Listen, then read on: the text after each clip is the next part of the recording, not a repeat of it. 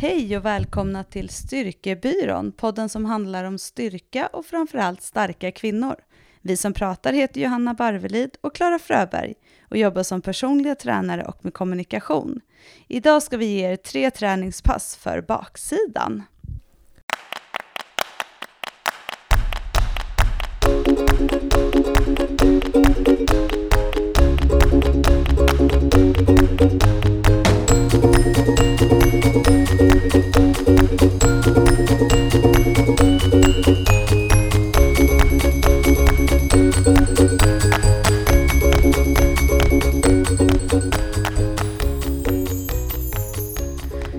Har ju tidigare gjort ett avsnitt om övningar för baksidan som handlar om att vara stark på hela baksidan av kroppen. Någonting som vi har nytta av i många lägen och som vi då pratade om så är vi många som är väldigt framsidesdominanta och skulle behöva lägga lite mer kärlek där bak.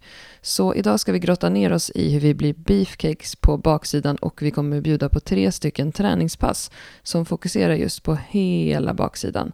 Och för att kunna hänga med i dem så kommer vi även lägga ut det i vårt eh, nyhetsbrev med text så att man kan hänga med i alla övningar. Ja, precis, så att man har möjlighet att ta del av det eh, skriftligt också, eftersom det är lättare då att hänga med än bara här där vi pratar. men du Johanna, hur var midsommar? Ja, men midsommar var härligt, så här, ganska liksom lugnt och sjukt trevligt. Vi är ett gäng som firar liksom har firat flera år. Mycket barn, lite så här dans runt midsommarstången, grillat och bara, ja men så här trev, väldigt trevligt. Så att eh, det, var, det var mys. Ni då, eller hur har ni haft det? Jo men vi har varit i, i Hälsingland, vi var här förra året också. Det är min, mina barns farmors gamla släkttorp som ligger här ute i Bollnäs, ett ställe som heter Åsbacka. Det är verkligen sådär otroligt midsommarfint som det bara kan vara så här i Sverige så här års. Man tittar ut över en spegelblank sjö och det är granar överallt och um, det har varit lite dåligt väder några dagar och då är det ju en utmaning att vara med ungar mitt ute i skogen där det inte finns så jättemycket mer att göra. Mm. Uh, men vi har också gjort alla sådana där grejer, kastat pil. Jag gjorde en sån här riktigt skön faktiskt kasta pil-erfarenhet på midsommarafton. Jag har aldrig, uh, har, du, har du varit en sån här kasta pil-person? Nej, jag har gjort det den här gången, men jag vet inte, vad, är det, vad har det för kategorier för att kategorisera sig som kasta pil-person? Ja, men jag, har aldrig, jag har aldrig ens fokuserat på det, eller tyckt att det var någonting som var kul överhuvudtaget, och så skulle vi köra eh, 1 till 12, att man ska pricka varje siffra på piltavlan okay. eh, i, i ordning, och så sa jag så här, men alltså jag, de tjatade på mig att jag skulle vara med, jag tycker det här är sjukt tråkigt, jag har aldrig varit duktig på att kasta pil, jag är inte så in intresserad. Och så, så fick jag en snabbkurs i så här, ja men håll pilen så här, vinkla den så, så tittar du på spetsen och sen så kastar den. Och så gjorde jag en sån där filmscen, du vet, när jag bara, okej, okay, dusch, dusch, dusch, och bara satte alla. Nej, vad skön du är. Bra. Det var så jäkla konstigt alltså. Ja. Eh, så att, eh, ja, det kanske kan bli min nya sport. Pilkastning. Pilkastning. Dart heter det va? Ja ja, men varför inte? Det finns ju tekniker i allt så att säga. Vi hade någon typ av så här klättra över stege, typ en stege som står upprest rakt upp och så håller två i den och så ska man klättra över. Jag vet inte riktigt vad det var för någonting, men barnet tyckte det var sjukt kul. Ja, eh, och sen sköt vi lyftgevär.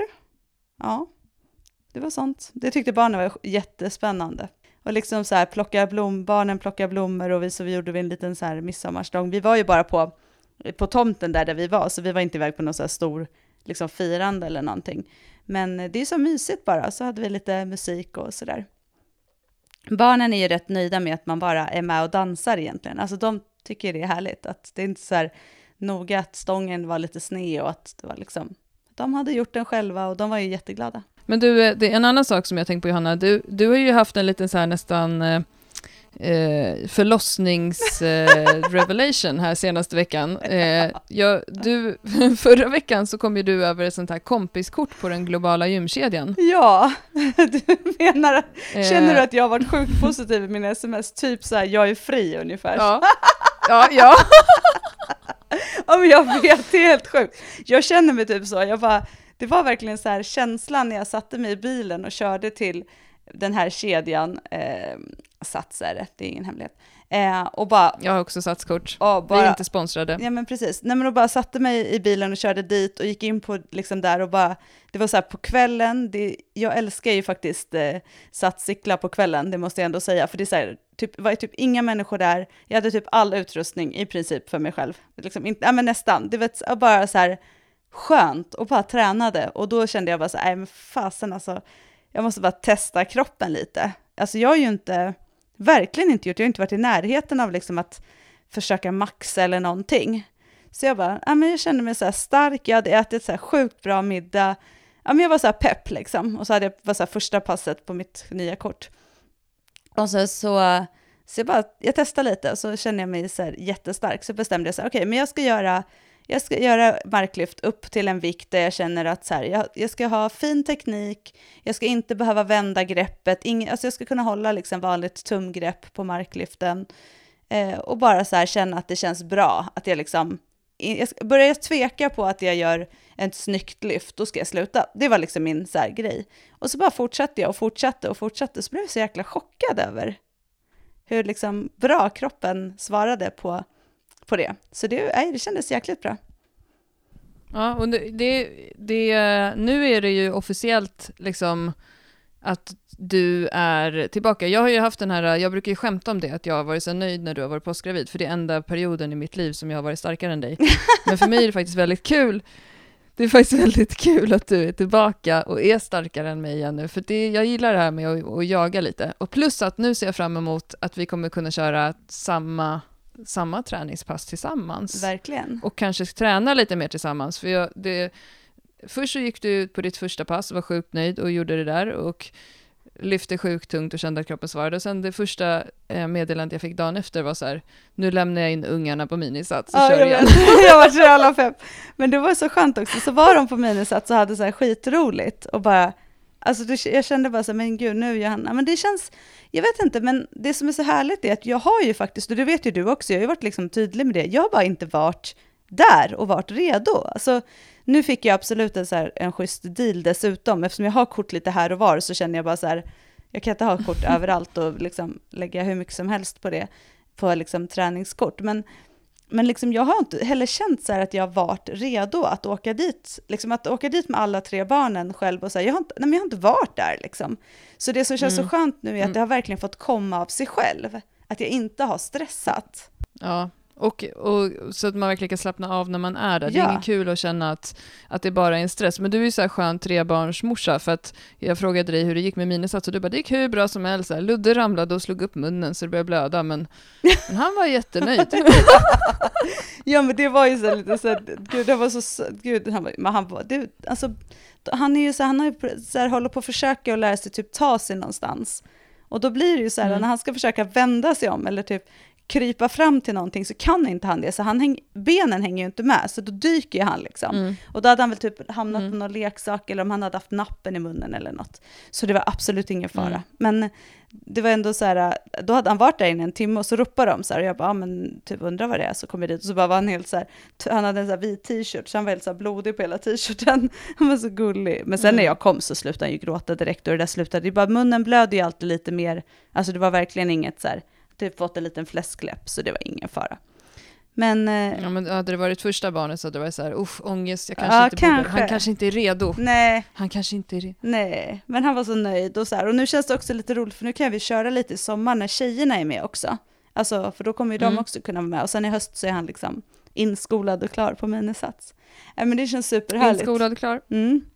Nej men det känns bra, men du, jag måste ändå säga Klara, det är ändå så här, det som är härligt är ju att vi kan jaga, om man nu ska säga jaga, men det är härligt, vi gillar ju det, men att vi är ju ändå, vi har ju ändå lite olika styrkor skulle jag säga. För att du har ju också saker mm. där du är starkare. Så att det är ju det jag som är, är lite kul. Du är ju en väldigt bra löpare. Vad sa du nu, är du en väldigt bra löpare? Nej, du, alltså, du är svinstark i chins. Där är du jävligt bra. Mm. Alltså du är stark i bänken skulle jag säga att du är. är där har det ju verkligen hänt grejer nu.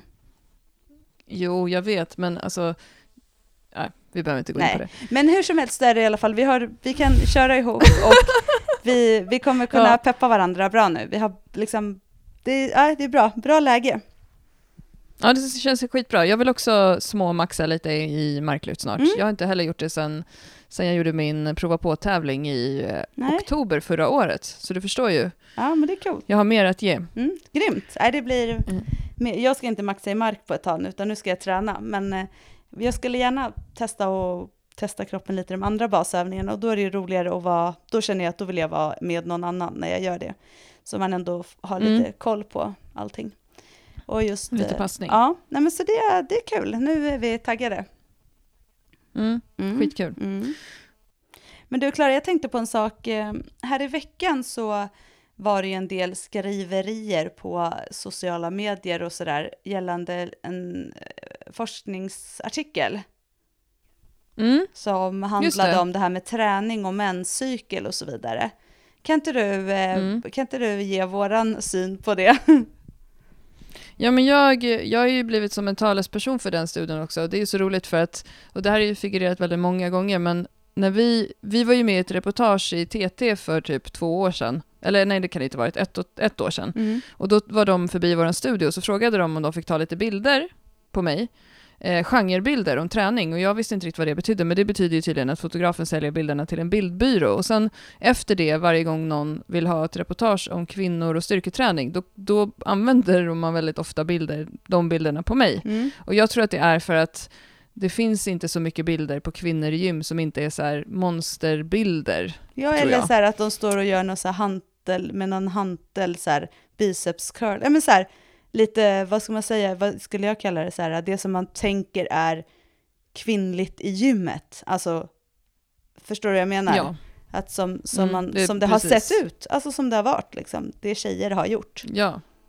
Så det behövs ju fler eh, bilder på tjejer som tränar med skivstång till Mm. bildbyråerna kan man ju lugnt säga. För att nu har, det- har ju jag figurerat väldigt många gånger. Men den här, nu, den här studien har vi pratat om i podden förut också. Och vår kollega Dr. Mellberg från Tyngre Rubriker har varit och pratat om den ehm, i vår podd också. Och det är samma studie som har dykt upp igen. Eh, jag vet faktiskt inte varför media plockade upp det den här gången. Men första gången den figurerade så var i samband förra året med att fotbolls eh, VM var för damer och man då gjorde en kampanj ihop med Libress där man började prata om mens.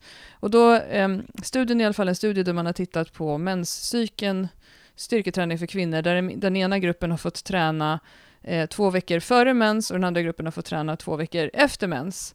Och det man kom fram till då var att man är som starkast från och med den första dagen på menscykeln, alltså när man får mens, fram tills fram till ägglossning och att man mellan ägglossning och mens inte är så stark. Men det som jag tycker blev så här tokigt när de lyfte upp det i den här studien nu igen, det är att de i citaten och rubrikerna så lyfter de fram så här, ingen poäng att träna de två sista Exakt. veckorna i menscykeln. Eh, och då tycker vi att det är viktigt att lyfta fram att dels att de här två kontrollgrupperna man har gjort, alltså en studie man har gjort, den ena gruppen var det 19 kvinnor, den andra gruppen var det typ 20 eller 22 eller någonting. Mm. Ehm, och det, alltså dels att det bara är en studie, så det går inte att säga någonting Nej, riktigt säkert igen förrän man gör det här igen. Men sen också det här att det är såklart att det finns massa fördelar att träna genom hela, men hela månaden. Och jag tror att, ja, alltså det här låter ju jättedumt och det är jättedumt om det finns massa folk som nu, du vet lite som det här Johanna när det kom för några år sedan att ketchup är nyttigare än tomater. Den har jag missat.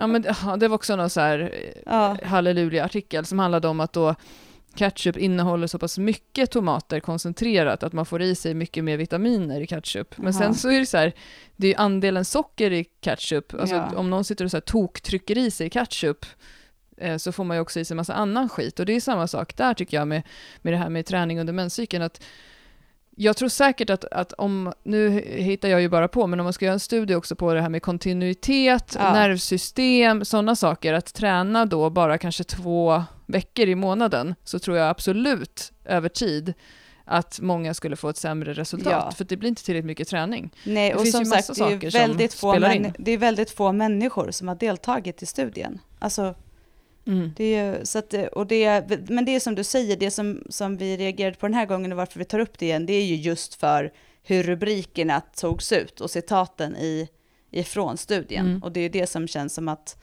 många bara så här, släpp det, träna hela månaden. Det kommer du tjäna på liksom. Ja, alla hälsoeffekter, alltså Mm. för hjärtat, för muskler. Det är klart att du får en bättre utveckling av det. Och sen om man tittar på alla principer när det gäller styrkeutveckling så handlar det också om, ehm, där har man ju också sett att, om, att du måste träna minst två gånger i veckan, eh, minst 45 minuter per gång för att också få en styrkeutveckling av, eh, i din träning. Och jag menar, mens eller inte, du måste träna för att bli bättre på träning. Ja. Eh, så att, eh, det är jättedumt om folk då sitter hemma och tänker så här, "Ja, men vad bra, då skiter jag i att träna ja. halva månaden Ja. för att den här studien säger det. Nej, Och sen är det Icke. såklart icke! Nej, icke, icke. Men det, sen är det många som, jag såg det också, många har ju skrivit så här, ja ah, det stämmer och jag känner mig starkare där och så här. Och det är klart att, att man Mm. har perioder under sin menscykel där man kanske känner sig Mm. starkare och man känner sig svullen på vissa, alltså, så det är väl helt naturligt Mm. att man kan känna så, men det är ju skillnad också vad man känner och vad det verkligen ger för effekter på kroppen. Alltså förstår du vad jag menar? Att många som här, känner att så här, Åh, de får svar på någonting, det är väl absolut så här helt fine. Och jag vet själv att ibland kan man bara känna så här, gud jag orkar ingenting och jag känner mig jättesvag, men det behöver ju inte heller bara vara baserat på menscykeln, det har ju som vi har pratat om tidigare, det kan ju också ha med att göra hur jag har sovit, vad jag har för stressfaktor i kroppen från jobb och allting, alltså vad är det som händer i livet, vad har jag ätit, alltså det är så lätt att plocka ut en liten del och så liksom tänka att den ska reglera så mycket. Så att eh, man måste se helheten. Ja, och sen så också, många mår ju mycket bättre om man har PMS eller man känner att man påverkas av sin cykel. De allra, allra flesta, jag har aldrig hört någon som säger att den mår sämre om den tränar då. Nej, nej. Men det är alltså, bra. du, du mår ju oftast väldigt mycket bättre av träning överhuvudtaget. Ja. Och som du säger, det kan ju vara andra anledningar som gör att man känner sig lite svag, men det är ju aldrig liksom sämre att gå till gymmet och träna. Även om du har jobbat natt och, eller haft så här sjuka barn, så gå och kör lite lugnare på gymmet och lyssna på kroppen, så kommer du ändå må bättre av att du rör lite på dig.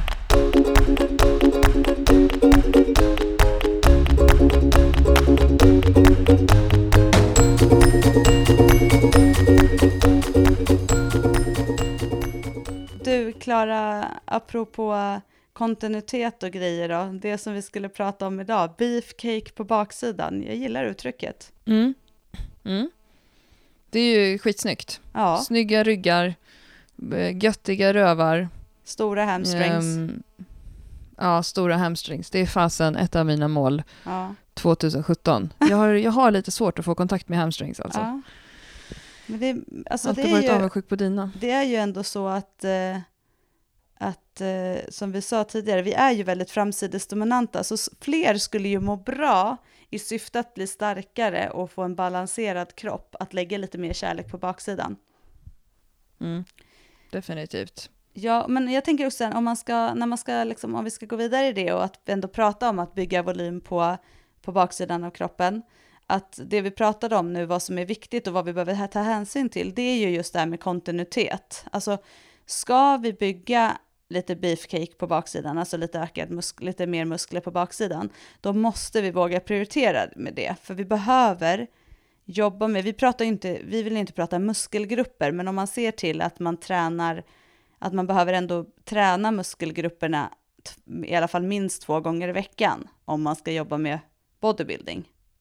Så får man ändå tänka att sen behöver man inte göra bara isolerade övningar, men om man, man ska fokusera på det så kommer det krävas ändå mer fokus på vissa muskelgrupper fler gånger i veckan än vad man kanske gör. Ja, och då och när du säger bodybuilding, då tänker ju kanske många så här, som du sa, isolerade övningar, typ, eh, inte vet jag, en hantelrodd eller någonting. Men bodybuilding för baksidan kan ju faktiskt vara också att man jobbar med stora övningar, typ en good morning, som verkligen jobbar med hela baksidan på kroppen, eller, eller att man jobbar med ett marklyft, där man jobbar med hela baksidan på kroppen. Det handlar ju också om hur tungt man lyfter, eh, hur ofta och med vilken intensitet och vilken volym, Mm. alltså hur mycket man lyfter för att, för att bygga volym. Men och vi, du och jag, när vi kör våra de här, både lyftarhelger och lyftargrupper och sådär, då är det ju nästan så att man känner sig lite tjatig, där vi hela tiden säger att träna mer ehm, Mm. bodybuilding till de här tjejerna. Alltså vad, vad, vad tror du att det, att det beror på? Ja, men för att många behöver lägga på sig lite mer muskler för att dels ha mer muskler att jobba med, alltså få kontakt med, och för att också, för att kunna bli starkare så behöver du lägga på dig lite mer muskler som då kan jobba i de här styrkeövningarna. Mm. Många Mm. vill liksom hoppa över det steget, att man går kanske från att så här, ja, men jag har sprungit några gånger i veckan och gått på lite grupppass och sen så vill man börja med Mm. skivstångsträning och ofta så blir det ju så att när de, den typen av PT-kunder kommer till oss, då har ju vi oftast en Mm. uppbyggnadsfas. Alltså det är ju väldigt sällan som vi börjar med marklyft från golvet med skivstång först med en klient som då inte har någon volym på baksidan eller någonting som liksom kan aktiveras och, och ta i när de ska börja dra en, en tung vikt, utan då måste man ju börja mer med att få upp bulligheten Ja, och få, i och få den musklerna här först. hållfastheten lite. Alltså att just som vi pratat mycket om, att packa in kroppen i lite mer muskler eh, för att skapa bättre förutsättningar Mm. för sig själv. Och, eh, och, eh, så, och, och, och många behöver det, alltså verkligen. Men, och brukar också få lite bättre resultat när de väl får på sig lite muskler. Och då kan man ju köra en period, om man vill så kan man ju köra fokuserat, till exempel bodybuilding Mm. en period, för att just få upp volymen först inför att lyfta tungt. Man kan ju periodisera träningen på det sättet att man, att man eh, ökar intensiteten i träningspassen vartefter och börjar med att jobba lite mer både isolerade övningar men också övningar där man kanske inte kör supertungt utan man faktiskt just aktiverar musklerna och får dem att ehm, Mm. få dem att bränna. Men vad har vi för nytta, vad har vi för nytta med liksom i att verkligen fokusera på baksidan? Vad skulle du säga att man har för nytta med det? Ja, men det är också att man blir starkare i hela kroppen, därför att om man är under, eh, det är precis som att om jag märker att det är mina axlar som är den svaga länken i bänkpress, om jag lägger lite mer fokus på axlar ett tag så kommer jag få upp bänkpressen. Och om man lägger mer fokus på baksidan, så för det första så är det många tror jag som skulle få mindre ont i Mm. ryggen. Alltså det är ju många, många som vi träffar har ju kontorsjobb och man sitter ner mycket. Jag kan ju själv inte sitta längre vid datorn i tre timmar i sträck utan att få, alltså dels så får jag tuppjuck för att jag blir så rastlös av det.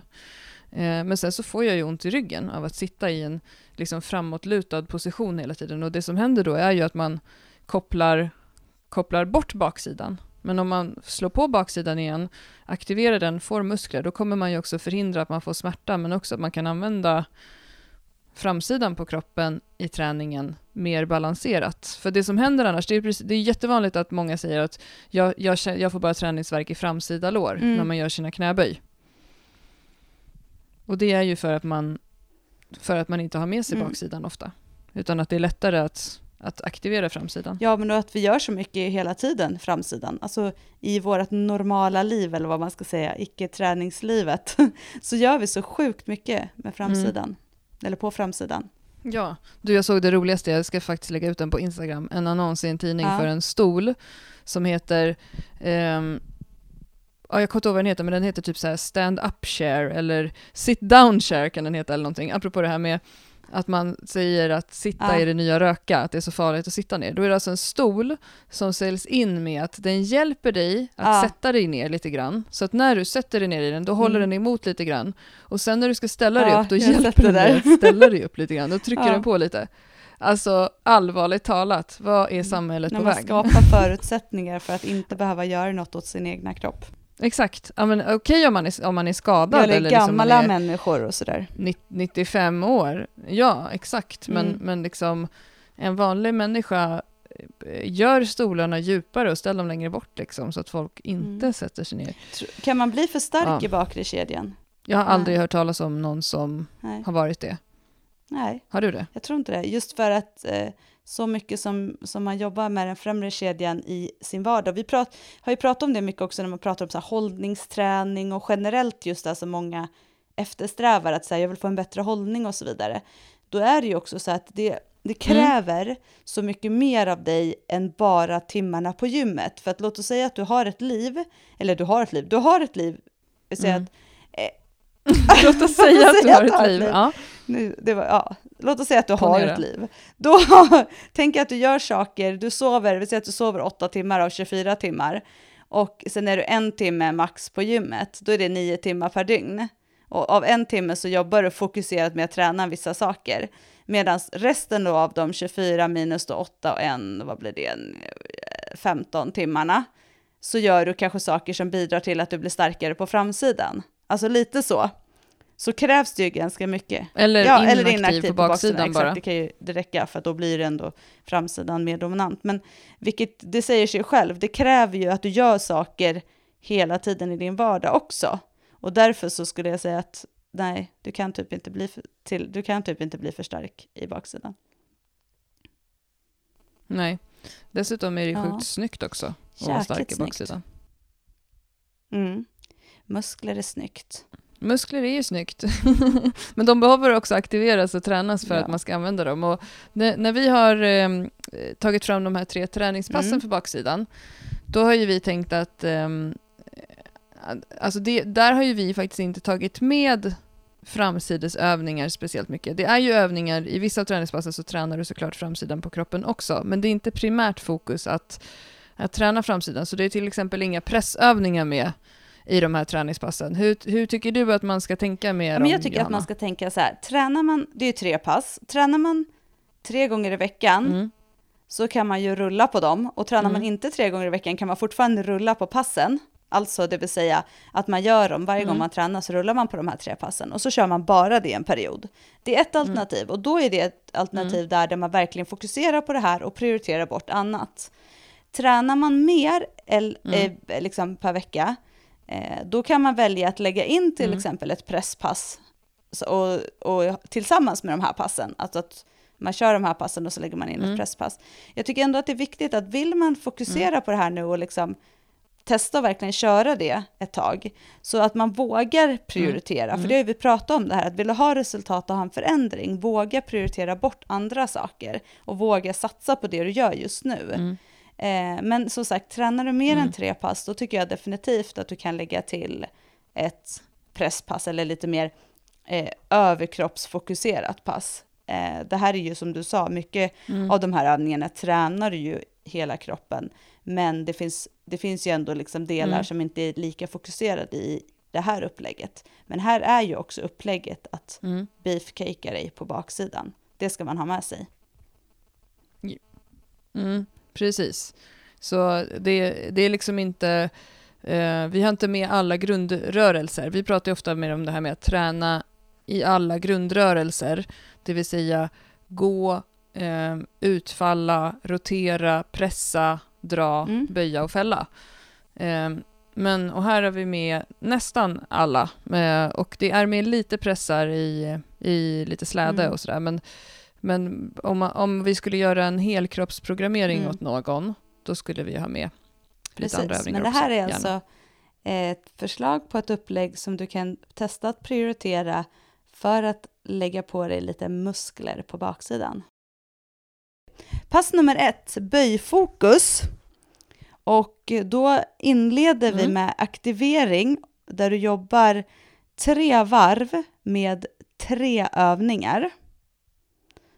Och den första övningen är sidogång med miniband eh, nere vid fötterna. Mm. Och då går du 15 steg åt varje håll, höger och vänster. Eh, Mm. Och där du fokuserar på att aktivera rumpan. Mycket, eh, Mm. Och sen så jobbar du med reverse hyper, extension heter det, eller hur? På bänk, Mm. eh, där du har böjda ben och hälarna upp mot taket. Du ligger alltså på en bänk med höften i kanten på bänken så att benen hänger ner kan man säga. Alltså då ska, du ska inte behöva, du, de ska inte stå upp av sig själv rakt ut utan de hänger ner. Och sen så Mm. böjer du knäna så att du har hälarna rakt upp i luften och så pressar du upp eh, knäna kan man säga va? Pumpar upp. Mm, det, det är lite som en frog pump eh, på golvet Mm. fast åt andra hållet. Det är den övning som aktiverar rumpan mest enligt Brett Contreras, the glute guy. Grymt. Och sen så har vi goblet squat, alltså knäböj med en kettlebells uppe vid bröstet. Och där man då fokuserar på aktiveringen eh, och går ner på tre eh, och upp på ett. Alltså det vill säga man håller emot ner, jobbar hela tiden med att ha rumpan med sig, påslagen aktivering och sen så lite explosivt upp. Mm. Hur många ska man göra av den? Fem stycken. Mm. Reverse hyper, 30 pump och så 15 av varje på sidogången. Mm. Eh, jag vill bara lägga till här nu när vi håller på att prata om det här att vi kommer alltså lägga upp det här i vårt nyhetsbrev Precis. eh, där vi skriver det här så att ni får. Så att det är eh, aktiveringen och uppvärmningen, tre varv av det här. Mm. Sen går man in och jobbar med basövning Mm. och då är det i det här passet böj med skivstång bak Mm. Där man jobbar eh, 8, 8, 6, 6, alltså repetitioner. Första sättet 8, andra sättet 8, tredje sättet 6 reps och fjärde sättet 6 rep. Och att det är lite tyngre reps då, Mm. så att man inte jobbar för lätt. Man kan gärna öka lite när man går ner på 6 repetitioner Mm. jämfört med 8. Och varför vi har 8 och 6 repetitioner är för att få en liten blandning av maxstyrka och muskeltillväxt helt enkelt. Mm. Det är ju asjobbigt. Ja, det är det. och sen så har vi, då har vi jobbat med basövningen och så har vi det som vi kan kalla lite assisterande övningar eller där vi helt enkelt har övningar där vi jobbar med lite extra pump på baksidan. Mm. Eh, då har vi glute ham race, Mm. 4 gånger 8 alltså 8 repetitioner, 4 set, där vi går långsamt upp. Om man inte har en glutham race maskin på sitt gym, då kan man göra finnen istället. Eh, Det kan vi skriva in i nyhetsbrevet också. Ja, absolut, det gör vi. Mm. Och sen så har vi sittandes good morning på Mm. bänk. Mm. Där man tänker att man sitter med en riktigt bred stans mellan fötterna. Mm.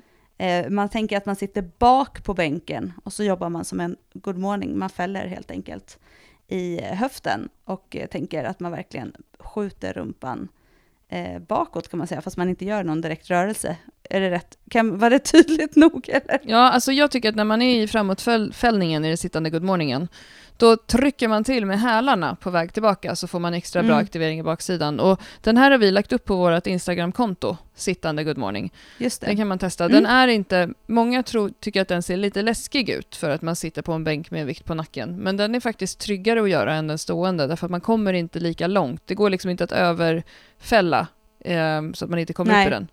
För man kommer inte lika Och det är, djupt. ganska vanligt, i van, det är ganska vanligt i vanlig good morning så att man just gör det överfäller, att man tappar den neutrala ryggen. Mm. Men eh, så att eh, sittande good morning och sen så har vi pressa och dra släde. Alltså det vill säga man pressar i 30 meter Mm. och sen drar man den i 30 meter. Precis, och det är ju också, där får man ju faktiskt lite cardio också Johanna. Ja, Det är ju sjukt jobbigt cardio. att pressa och dra en släde. Eh, och där man verkligen kan Verkligen. känna att det bränner på baksidan. Och här tycker jag att om man inte har en släde på sitt gym, det vill säga det är som en vagn, en prowler, där man lägger på Mm. viktplattor. Om man inte har det, då kan man till exempel, tycker jag, kanske göra eh, farmers carry, till exempel. Mm. Eh, eller så kan man ta ett Exakt. gummiband runt höften om man har en kompis. Och så kan man göra lite sprinter. Som håller emot. Ja, med kompisen som håller emot. För den, där, där Mm. kan man variera då att springa baklänges och framlänges. Så får man Mm. mjölksyra i varje sida på låren. Mm. Och eh, där tänker vi då att glute ham race, Mm. 4 gånger 8 alltså 8 repetitioner, 4 set. Mm. Sittande good morning, 4 gånger 10 det vill säga 10 repetitioner i 4 set. Och pressa och dra släde, där kör vi tre sådana här omgångar. Och då kan man tänka 30 meter press, 30 meter dra. Mm, precis, så får Så man vila blir, lite eh, emellan. Ja, det får man. Annars blir det för mycket cardio. Men det, och det är inget vi står för. Nej, precis. Det är farligt. Farligt för hjärtat. Nu kommer det vara någon som säger att det där, Johanna sa att det var farligt för hjärtat med cardio. Det var alltså ett skämt. Det är inte farligt för hjärtat med cardio. Obs, skämt. Du, du, du, tsch. Ops. Ja, precis.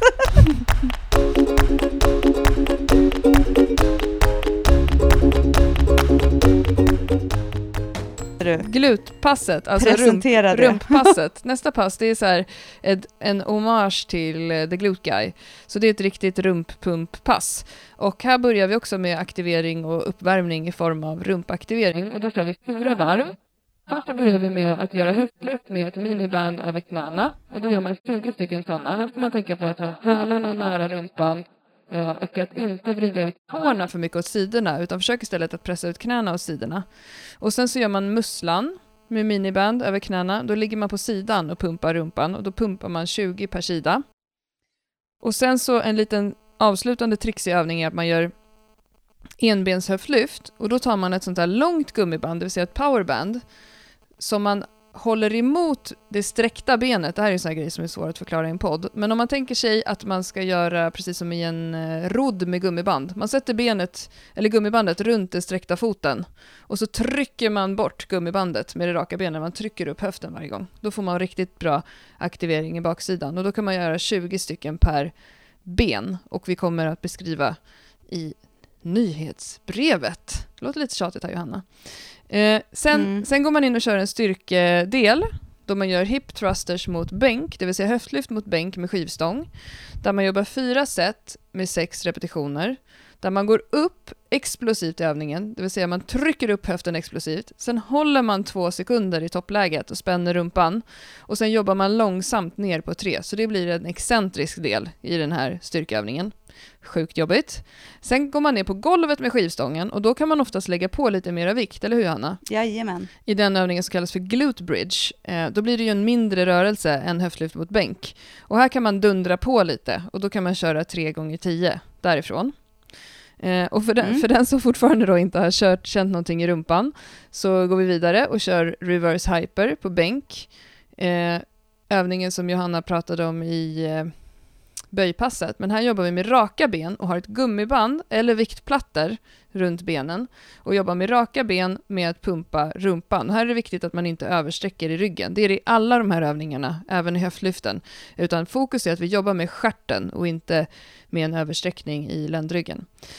Sen eh, går man vidare och gör raka marklyft med hantlar eller kettlebells eh, där man verkligen håller hantlarna eller kettlebellsen mot benen när man jobbar och inte låter dem hänga i luften framför kroppen, utan bak på baksidan av kroppen och sen så får man jättegärna lägga upp tårna på små viktplattor så att tårna kommer upp lite. Då kommer man känna ännu mer på baksidan eh, av låren. Och här i både reverse hyper och i raka mark så jobbar vi 4 gånger 12 Eh, och då får man verkligen fokusera på tekniken. Man behöver inte gå för djupt i den raka marklyften heller, utan gå så att du verkligen känner att det tar på baksidan av kroppen. Och sen så avslutar man med att göra sidolyft med raka ben, där man ligger på sidan på en styrkebänk. Och även här får man ligga som i en reverse hyper, att man har eh, höften utanför bänken. För då kan man få en full range of motion i det benet som man jobbar upp och ner på. Så man ligger alltså med raka ben ut i luften från bänken och så jobbar man upp och ner 20 gånger per sida. Mm. Mm. Jäklar! Helv, helve, helvete! Eller hur? Och sen så har vi det sista passet ja. Johanna, kan inte du dra det? Jajamän, drag och baksida lår kallar vi det. Mm. Pass nummer tre alltså är vår lilla bakside biffcake-upplägg här som man kan testa och satsa på under ett gäng veckor. Då är det uppvärmning tre varv mm. eh, och då har vi höftlyft med miniband över knä. Mm. Alltså tio stycken där vi alltså gör höftlyft och så sätter vi gummibandet ovanför knäna och jobbar med att fokusera på att hela tiden ha ett press mot knäna och gummibandet, att vi aldrig släpper aktiveringen och eh, anspänningen i gummibandet. Eh, aktivera magen och pressar upp höften, inte gå mm. för långt som du sa så att vi översträcker i ryggen. Vi har tio sådana och så har vi lätta svingar med fokus på rumpan, det vill säga att vi ser till att verkligen knipa mm. åt rumpan när vi svingar iväg den och att vi mm. hela tiden känner att vi är aktiverade. Eh, tio stycken sådana svingar lite lättare med rumpfokus. Och så har vi ball slam i golvet med en lättare boll där vi också jobbar extremt mycket med eh, baksidan av kroppen, både bål och rumpa och verkligen se till att använda eh, det området. Fem sådana. Och där jobbar vi tre varv då för att bli uppvärmda och eh, lite aktiverade. Sen i vår huvudövning, eller själva styrkeövningen, så har vi marklyft och då jobbar vi marklyft från marken, alltså deadlift. Eh, och då jobbar vi en serie med åtta repetitioner i första setet, åtta repetitioner i andra setet, sex i tredje, sex i fjärde och som då ska vara lite tyngre, precis som vi gjorde i pass 1 med knäböjen. Så att lite tyngre när vi går ner på sexorna. Det ska vara, såklart ska vi ha en teknik som är fin, men det ska vara tyngre att jobba med dem. Så att vi inte jobbar för lätt, men samtidigt inte så att vi tappar teknik. Eh, vi ska kunna öka i de sexorna eh, så pass liksom bra vikt ska vi ha, så att det inte är så att vi är helt förstörda när vi ska göra sexorna. Eh, och sen så kommer vi jobba då pronerade chins, det vill säga chins med handflatorna ifrån oss, alltså inte mot oss utan ifrån oss. Eh, och där vi jobbar då fyra set med max i varje set. Och då ska vi jobba långsamt ner och sen upp. Och då är det så att Mm. eh, kanske behöver man använda gummiband och då gör man det. Eh, annars kan det också vara så att man kan hoppa upp och hålla emot ner. Eh, jättebra sätt. Eh, är vi för starka så att vi börjar göra för många repetitioner här? Vad skulle du säga Klara, om man gör mer än 6-7 repes- repetitioner? Ja, då får man eh, göra med en vikt. En extra Ja. vikt. Då adderar vi alltså vikt i kinsen så att vi inte ligger och gör liksom 15 repetitioner här, för här får vi fortfarande ligga lite mer åt styrkehållet. också. Exakt. Och sen blir man ju jättetrött av att göra det här excentriskt, så att man får vila ordentligt emellan Ja, de sätten. men så fy, fyra gånger max men inte mer än 6-7 repetitioner, då adderar vi vikt. Och har vi gummiband så måste vi ändå tänka på att vi ska kunna jobba långsamt neråt och jobba upp. Så att kanske hellre då att man hoppar upp och håller emot ner. Mm. Skivstångsrodd har vi sen och då jobbar vi fyra gånger tio. Då jobbar vi med smalare grepp och vi jobbar med handflatorna, eh, kan man säga, men uppåt eller ifrån oss skulle jag säga. Mm. Eh, Framåt. Fyra gånger tio på den. Och så har vi stående good morning med low bar, alltså ett bredare stans mellan fötterna, stången långt ner på ryggen Mm. och med en lätt böj i knäna. Fyra gånger tio Mm. eh, jobbar vi där. Och sen så har vi ett litet avslutningssätt där vi jobbar superset, det vill säga vi jobbar två övningar utan att vila emellan, är tanken. Mm. Alltså att det ska vara lite cardio. eh, och då gör vi eh, tio repetitioner per övning och vi gör fyra varv. Och Mm. då ska vi göra svi- tunga svingar med kettlebell, med, där vi verkligen fokuserar på höften och att inte då jobba med höga svingar så att vi svingar upp och jobbar över huvudet, utan vi jobbar klart i rörelsen bara. Så när vi är utsträckta i höften så är vi klara med själva rörelsen. Vi ska inte upp och jobba med armarna upp i luften och veva, utan tunga svingar med fokus på höften. Eh, och sen så kommer vi jobba med liggande ben curl med gummiband. Ja, och då ligger man på mage på golvet och så kan man fästa ett sånt här powerband antingen i typ en ribbstol eller en stolpe eller någonting bakom sig eller så har man en kompis som håller i gummibandet och så sätter man det runt fötterna och så håller kompisen emot så att man verkligen får ett motstånd i kontraktionen, alltså när man drar ner eh, hälen mot rumpan. Jättejobbig Mm. övning. Perfekt. Fan, jag blir ändå pepp nu och beefcaker mig lite på baksidan. När man, de här passen ja, precis. Och just som du sa Mm. innan, lägger man bara till dem, om man är en person som tränar fyra gånger i veckan på gymmet, så lägger man till ett bänk och presspass, då är man ju hemma av det här. Jajamän, absolut. Så äh, våga, våga ta hand om din baksida tänkte jag säga. våga satsa lite på baksidan och se om du känner någon skillnad. För att många kommer, tror jag, känna en stor skillnad i liksom hela sin träning. Alltså övergripande, liksom, både styrka men också i muskler. Mm. Vi brukar ju prata ofta om det när vi föreläser om styrkeprogrammering, att, att många borde våga fokusera på ett prioområde ett tag, för att det kommer ofta göra att du kommer längre fram i de andra övningarna också. Till exempel våga fokusera på bänkpress sex veckor. Kör bänkpress tre gånger i veckan i sex veckor, självklart med en stegring som din kropp kan hantera. Men just att ha sådana här små skills-fokus en period gör ju Mm, oftast mm. att de andra övningarna att det händer någonting med de andra övningarna som du brukar göra också. Och det är ofta, jag minns vår senaste lyftarhelg när vi pratade om det här, så var det flera stycken som bara, ja men då ska man våga liksom släppa alla de här andra grejerna som man också vill få in varje vecka. Ja, men alltså Mm. vad, vad är det värsta som kan hända? Att du, att du missar de grejerna i sex, tio veckor.